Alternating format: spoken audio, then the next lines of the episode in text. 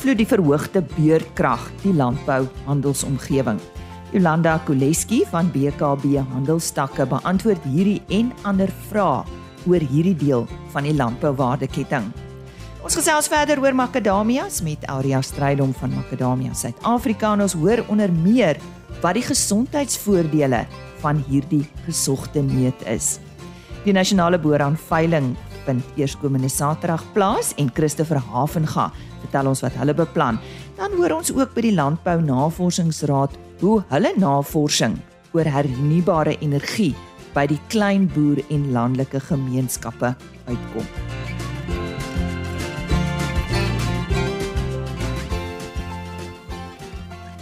Dis vanoggend se RSG landbou van Mylise Roberts. Goeiemôre. Ons skop af met landbou nuus. Dion Simon is bevorder tot die rol van uitvoerende hoof van Cape Wool Suid-Afrika. Die aanstelling het op 1 Julie in werking getree. Simon is in Februarie 2019 op 'n kontrakbasis as hoofbestuurder aangestel. Lydens 'n persverklaring het die direksie by Cape Wool SA kennis geneem van die beduidende vordering wat Cape Wool gemaak het met die implementering van belangrike strategiese inisiatiewe sedert die aanstelling van Simon in 2019 en toe besluit om ons om hom permanent in diens te stel as uitvoerende hoof van Cape Wool.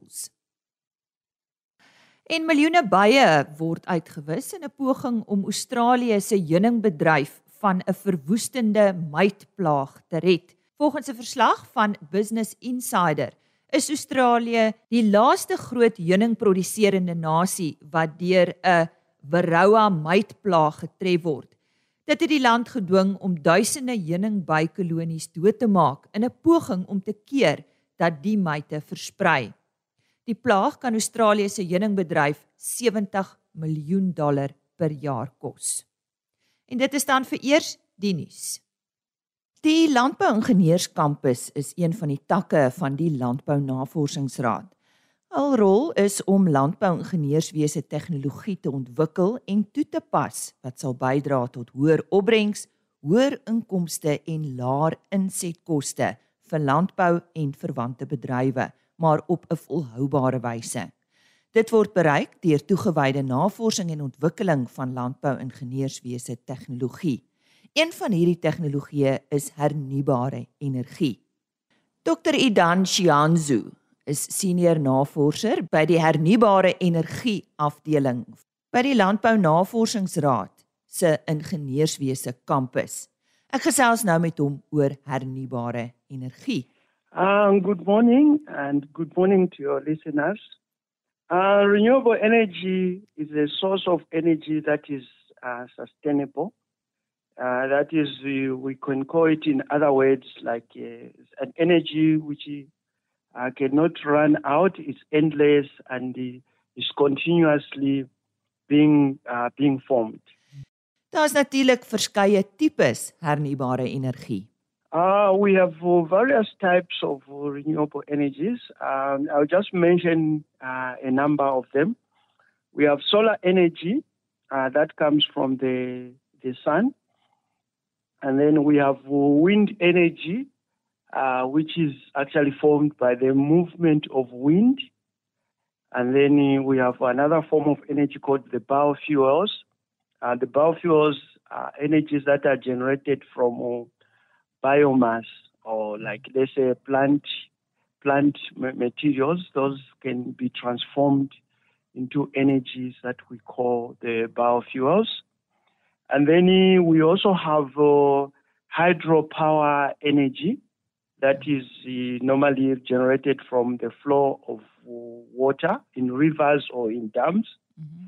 And then lastly, we also have uh, hydro energy, which is a new form of energy that is also generated from the hydrogen gas. En waar in die landbouwaardeketting word hierdie energie die meeste benodig? Yeah, thank you very much for that question. It's a very important question. Yeah, we need to understand the energy uses in the agriculture sector. So when you look at the the value chain of the agriculture sector, energy is required along the whole value chain, uh, from land preparation up to when the produce are harvested and uh, and stored. But however, uh, in South Africa, we see like uh, diesel and grid electricity are mostly uh, used in the agricultural sector. They make up up to between 30 and 50 percent of the cost of agriculture because these diesel and the grid electricity are used at various points of the, the crop or animal production uh, processes. So they're used in land preparation, they're used in harvesting, they're used in fertilization, in, in, in planting, and also in, in the storage. Mm. Yeah, so the most ideal uh, renewable energy, which I think would fit South Africa most, is the the biofuels mm. and the and solar. Mm. So biofuels can be used in, in, as a replacement to the diesel, and then solar energy can be used as a replacement to the grid electricity. En wat is die Landbou Navorsingsraad se rol as dit kom by navorsing oor hernubare energie? Yes, we are playing quite a significant role in uh, in terms of uh, generating various renewable energies that can be applied in the agricultural activities, like what I mentioned before. So the two major energies we are focusing on is the solar energy, uh, where we are looking at uh, the harvesting of solar and then we convert it to, into thermal energy. That thermal energy can be used for drying of crops. It can also be used for generating steam. That can be used for processing of the of the crops. And again, we are also very much involved in the generation of biogas uh, from agricultural residues. As you may know, agriculture produces a lot of waste. Mm. Uh, there might be crop residues and also uh, livestock uh, waste. So we normally take this waste and then convert it into energy, which we call uh, biogas. Dis natuurlik belangrik in praktyk dat die navorsing toegepas word. Hoe bring hulle hierdie twee bymekaar? Yeah, normally we are implementing with uh, smallholder farmers in South Africa. That's where they need the energy the most. I think the commercial farmers are well, are fine with the, the energy, but the smallholder farmers are the ones we usually work with. So basically, what we are doing is we are putting up biogas digesters in rural areas like Limpopo Province, Eastern Cape, Mpumalanga, where they get these agricultural residues and livestock waste. They use they, they use to produce energy. Mm. That is the, yeah, that is uh, again plowed back into uh, the agricultural activities or they just uh, use it in their households. Ek het daar gesels met Dr. Idan Shianzu, hy senior navorser by die hernubare energie divisie van die Landbou Navorsingsraad se ingenieurskampus. Die landbouwaardeketting in Suid-Afrika bestaan uit vele fasette. Een hiervan is 'n handelswinkel. Landboumaatskappye bied dikwels aan kliënte 'n een-stop diens. En soos enige ander besigheid, staar hulle ook heelwat uitdagings in die gesig. Ek gesels met Jolanda Koleski, sy is die nasionale aankoopbestuurder vir die handelswinkels afdeling by BKB Handel. Nou dit lyk asof daar op die oomblik baie met BKB handelstakke gebeur. Enige nuus van jou kant of met ons te deel vir oggend Jolanda, goeiemôre. Goeiemôre.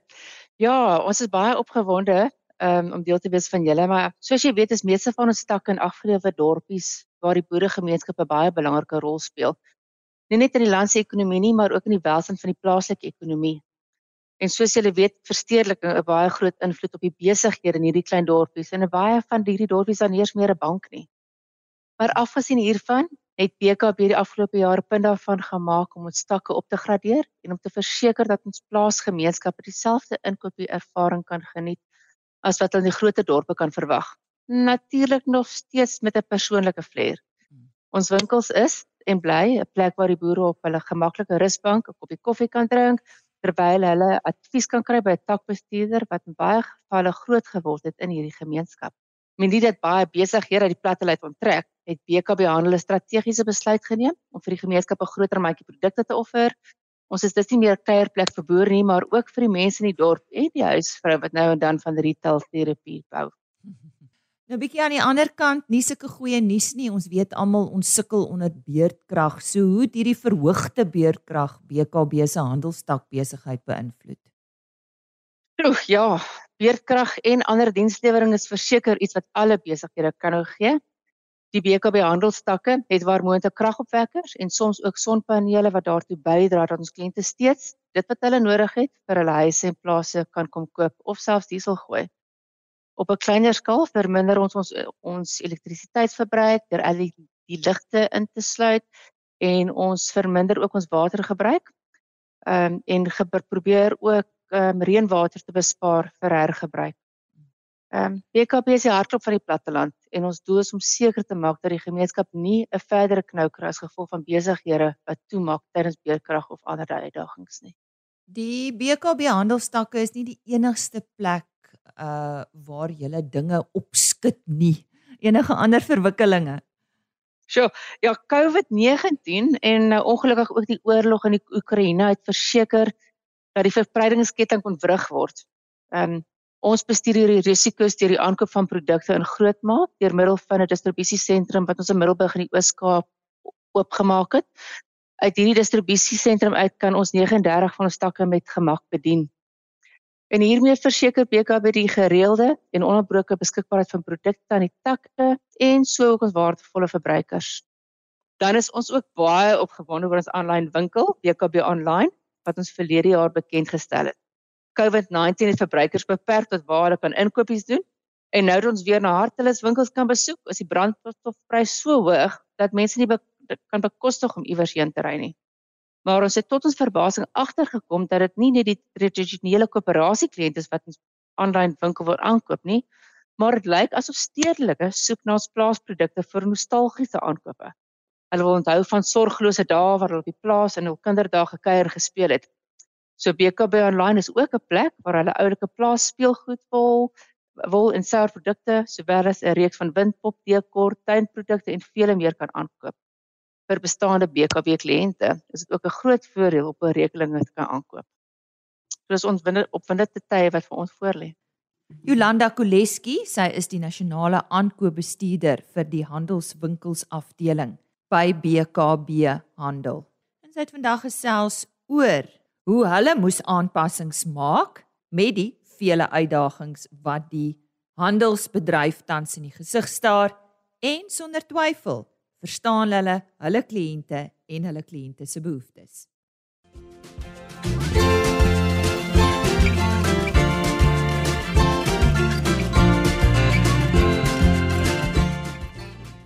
Ek het op gisteroggend se RC landbou met Jurita van Sail van Samick gesels oor die plaaslike makadamia bedryf, hoe ons vergelyk met die res van die wêreld. En sy het onder andere gesê dat ons die laaste 4 jaar die grootste uitvoerder van makadamia neute is in die wêreld. Iets om op trots te wees. Sy het ook gewaarsku dat uh, neute wat langs paaie verkoop word, nie gekoop moet word nie dat diefstal ook 'n groot probleem is. Maar vanoggend op 'n uh, effens meer positiewer noot sit ons ons gesprek voort en praat nou met dokter Elria Strydom. Sy is ook van Samick dit is Macadamia Suid-Afrika. Ek het vir haar uitgevra oor die gesondheidsvoordele van macadamias. Lise, uh, macadamia neute is natuurlik hoog in omega 7 en omega 9 vetsure wat help met hartgesondheid, cholesterol, metabooliese sindroom en diabetes. Ons het onlangs 'n baie opwindende projek saam met die Nouk Stichting gehad en dit het gewys dat as jy daagliks makadamia neetolie in jou dieet byvoeg, verbeter dit ehm um, pankreasgesondheid en ook inflammasie oor jou hele ehm um, lyf. So dis baie belangrik om hierdie gesondheidsvoordele aan die publiek oor te dra om makadamia neute te uh, vestig as 'n premium gesondheidsproduk. Kom ons praat oor produksie. Hoe bepaal Samek hoeveel hektare geplant is? So ons ehm um, doen elke jaar 'n sensus onder ons boere en ook ons kwekerye. Ehm um, verlede jaar in 2021 het ons bedryf met 6000 hektaar gegroei. Ons het onlangs ehm um, nou 'n nuwe navorsingsprojek ehm um, begin saam met die Universiteit van New England in Australië en hulle is besig om alle makadamia boorde in Suid-Afrika wat groter as 1 hektaar is te karteer. Hulle het al Mpumalanga vertooi en ook Limpopo. Volgende is KwaZulu-Natal aan die beurt en dan die res van die land. Wow.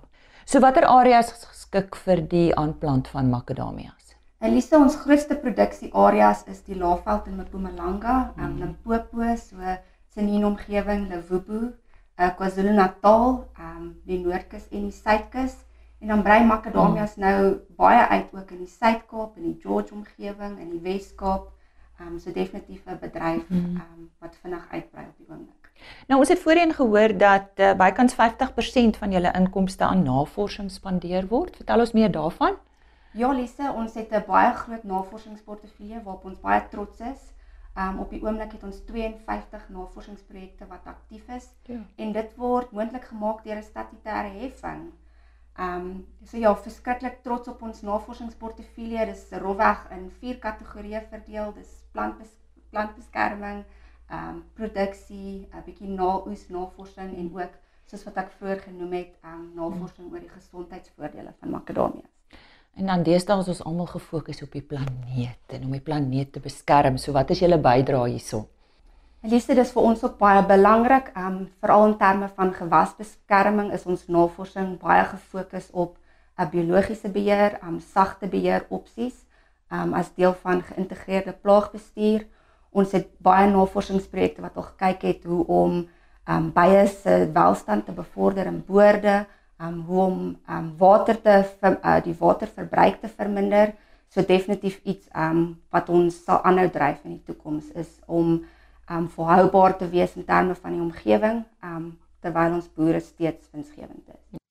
En so dra elke landboubedryf by tot ons omgewing Ek het gesels met Dr. Auria Strydom van Samek en uh, dit is oor ons makadamia bedryf. Indien jy gisteroggend se onderhoud met Jurita van Sail misgeloop het, besoek www.agriorbit.com. Daar word ons onderhoude afsonderlik gelaai.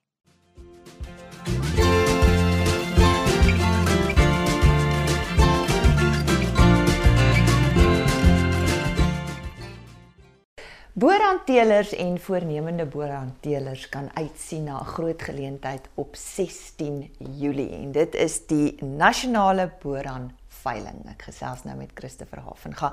Christopher, groot geleentheid, die 2022 nasionale boerhand veiling. So hoeveel teelers ja. en hoeveel beeste? Ja, Jesus Lisa, nee, ons het um, ons het regtig 'n groot veiling wat kom. Ons het um, Die vroulike diere staan so op 95 vroulike diere en ons staan so op 23 bulle op hierdie stadium. En ja, kry net hoendervleis as ek dink hoe die tyd geloop het en waar ons vandag staan. Ek dink ons ons ons is in vir 'n groot veiling. Een seker een van die grootste nasionale veilings in die land wat kom. Hoe weet die koper dit wat hy koop is werklik kwaliteit? Ja, ek dink ons dit is iets wat wat, wat belangrik is uh vir enige stoetteler, maakie saak met watter ras jy boer nie. Maar by die Boran is dit baie uniek sal ek sê. Ek ek dink dit begin by die begin. Dit begin daai diere word gekeer. Ehm um, ons het inspekteurs reg oor die land wat dan basies diere keer. Die die vroulike diere word gekeer op 15 maande en die bulle op 2 jaar. So dis waar dit begin en en dan sal die teeler nou sien oor daai hier is ons potensiaal en hy bring natuurlik sy bestes na die nasionale veiling toe. So daai diere kom dan in en hulle word ehm um, afgelaai en dan op 'n donderdag die die 14de word hulle geskreen deur deur drie inspekteurs uh myself en twee senior inspekteurs. So ons maak seker dat die standaard van daai diere regtig op hoë gehalte. Um so dit wat op 'n dag aangebied word is regtig hoë standaard en en as jy vat dit word onder die beskerming van die genootskap aangebied. En ek dink die ouens besef nie wat se ware dit vandag beteken nie. Dit beteken die diere is vry van van alle siektes en as ons kyk vandag met back and close hier, daai diere is ook deur deur die veeartse in hulle omgewing vry Eh, vry verklaar van back and claw wat dink 'n groot 'n groot rol speel vandag. So die ou wat koop, weet presies wat hy koop. Die diere is struktureel korrek. Hulle is ge, hulle geïnspekteer en geskreen deur eh, deur senior inspekteurs. ehm um, wat aan rasstandaard voldoen en hulle is vry van allerlei geslagsiektes en hulle is dragtig gesertifiseer en hulle is vry van back and claw wat 'n groot rol vandag speel. Wat maak die boran so gesogte ras? Ja, ek ek dink dis dis nog ons 'n vraag wat baie ons vir my vra, hmm. hoekom hoekom nou boran? En ek dink net die die die neiging in die beesbedryf is gaan na medium raam diere toe. Ek dink die tyd vir groot raam ehm um, diere die onderhoud op groot raamdiere raak al hoe al hoe meer so jy wil 'n dier mee boer wat meer medium is wat maklik op die veld aanpasbaar is.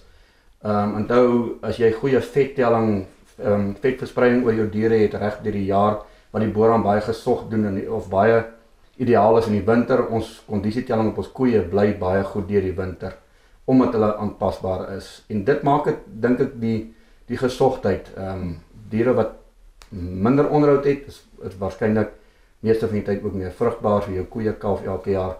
En ek dink dit gaan maar oor oor die tipe bees. En en ek dink ehm um, die die boeraan het soveel eienskappe wat ek kan opnoem wat wat hom gesog maak, maar ek dink dit gaan maar oor die medium, die moederkoei van Afrika. Ons sê ons die boeraan is die moederkoei van Afrika. Mm.